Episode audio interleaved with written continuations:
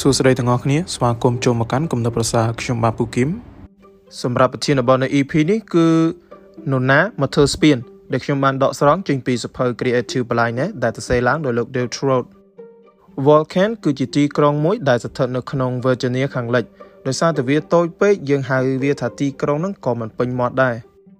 វាត្រូវបានសាងសង់ជាកន្លែងសម្រាប់ជីកធ្យូងថ្មនៅក្នុងទសវត្សរ៍ឆ្នាំ1950ហើយនឹងនៅទសវត្សរ៍ឆ្នាំ70វានៅសល់តែសម្បកតែប៉ុណ្ណោះដោយនៅទីនោះមានប្រជាជនប្រហែលជា20គ្រួសារទេ Volcan គឺស្ថិតនៅតាមដងទន្លេ Tuck ដែលម្ខាងនៅលើ Virginia ខាងលិចហើយម្ខាងទៀតនៅ Kentucky ដោយនៅទីនោះគឺមានក្មេងៗបាទត្រូវតែឆ្លងទន្លេដើម្បីទៅសាលារៀនប៉ុន្តែដោយសារតែស្ពានវាចាស់ទុតទ្រោមពេកវាក៏បាក់បែកបាត់ទៅដូច្នេះពួកគេត្រូវតែឆ្លងខុសច្បាប់ ដោយឡើងឆ្លងរបងផ្លូវរទេះភ្លើងបន្ទាប់មក វាក្រោមរទេះផ្ទុកអីវ៉ាន់ដើម្បីទៅសាលារៀនប៉ុន្តែនៅក្នុងហេតុការណ៍នេះគឺមានក្មេងម្នាក់បានបាត់បង់ជើងម្ខាងផងដែរនាសម័យនោះក្រុមគ្រួសារទាំងឡាយបានបោះឆ្នោតឲ្យលោក John Robinette បាទធ្វើជាចៅហ្វាយក្រុងសម្រាប់បញ្ចេញមតិរបស់ពួកគេផងដែរដូច្នេះគាត់បានធ្វើការស្នើសុំបាទការធ្វើស្ពានដល់សាលាក្រុង Mingo ប៉ុន្តែពួកគេបាននិយាយថាពួកគេមានបញ្ហាដែលធំជាងនេះបន្ទាប់មកទើបលោក John បាទគាត់បានធ្វើការស្នើសុំដល់ថ្នាក់រដ្ឋទាំង Kentucky ហើយនិង Virginia ខាងលិចហើយពួកគេក៏បាននិយាយដដែលថា ពួកគេមានបញ្ហាដែលធំជាងនេះ ហើយគាត់មិនបានចោះចាញ់ទេបាទគាត់បានស្នើសុំទៅដល់រដ្ឋាភិបាលនៅឯ Washington DC ម្ដងប៉ុន្តែចម្លើយនោះគឺវាដូចដើមដោយសារតែពួកគេមានបញ្ហាដែលធំជាងនេះហើយចម្លើយទាំងអស់នេះបានធ្វើឲ្យលោកចនដឹងថាគូប្រកួតប្រជែងរបស់គាត់គឺជាបញ្ហាដែលធំជាងនេះអញ្ចឹងតើគាត់អាចលើកបញ្ហាស្ពានរបស់គាត់ឲ្យคล้ายទៅជាបញ្ហាសំខាន់ដោយរបៀបណា នៅខណៈពេលនោះផងដែរបាទក្នុងឆ្នាំ1977មានបញ្ហាតែមួយប៉ុណ្ណោះដែលគ្រប់គ្នាតែងតែខ្វល់ខ្វាយនោះគឺប្រទេសរុស្ស៊ីដែលការនោះគឺជាសង្គ្រាមត្រជាក់បាទទាំងសងខាងកំពុងតែរកមើលព័ត៌មានរបស់គូសត្រូវដើម្បីធ្វើការវាយបកលោកចនក៏ដឹងខ្លួនឯងតែថាគ្មាននរណាម្នាក់ហ្នឹងមកបែរភ្នែកមើលរូបគាត់ទេនិយាយងាយងាយគឺគេមិនអើពើនឹងគាត់ឡើយដែលជាហេតុធ្វើឲ្យគាត់សម្រេចចិត្តថាត្រូវតែបង្កហេតុ ដល់ថ្នាក់លើដើម្បីទាញចំណាប់អារម្មណ៍របស់ពួកគេឲ្យបានដូច្នេះគាត់បានសរសេរក្រដាសស្នើទៅស្ថានទូតរុស្ស៊ីនៅឯ Washington DC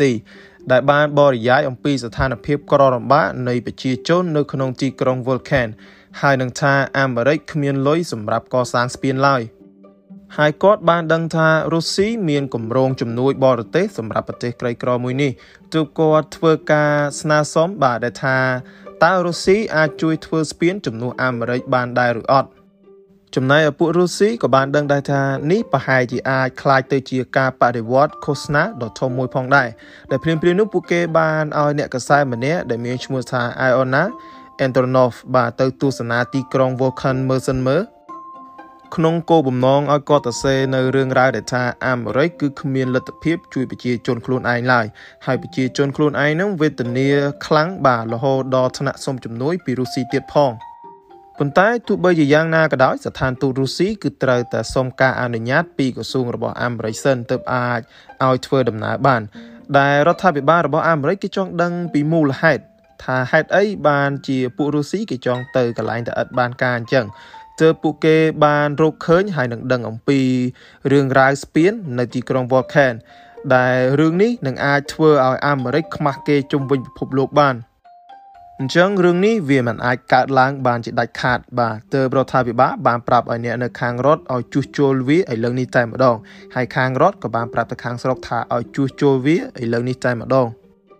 ហើយពី3ម៉ោងក្រោយមក លោក John Robinette ត្រូវបានរាយការណ៍ថាមានលុយចំនួន1លាន3សែនដុល្លារបាទឬក៏ស្មើនឹង5លាន2សែនដុល្លារនៅពេលសប្តាហ៍ថ្ងៃនេះ បាទសម្រាប់អនុញ្ញាតឲ្យកសាងស្ពានថ្មី សម្រាប់ទីក្រុង Vulcan ភ្លាមភ្លាមនោះបញ្ហាធំធំក៏បានរសាយបាត់ពីព្រោះថាលោកចនបានរកឃើញនៅមធ្យោបាយសម្រាប់រុញបញ្ហាតូចរបស់គាត់ឲ្យទៅនៅខ្ពស់ជាងបញ្ហាធំផ្សេងផ្សេងទៀតបាន។ បន្ទាប់ពីស្ដាប់នៅរឿងរ៉ាវរបស់លោកចនហើយខ្ញុំមានអារម្មណ៍ថាគាត់ដោះស្រាយបញ្ហាផ្សេងផ្សេងហ្នឹងវាពិតជាមានប្រសិទ្ធភាពហើយនឹងប្រកបដោយភាពច្នៃប្រឌិតណាស់សរុបមកវិញ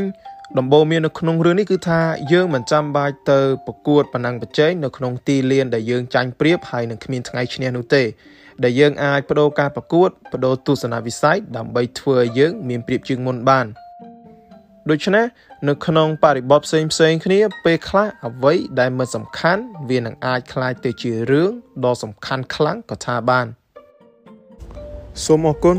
ពីខ្ញុំពូគឹមសូមជម្រាបលា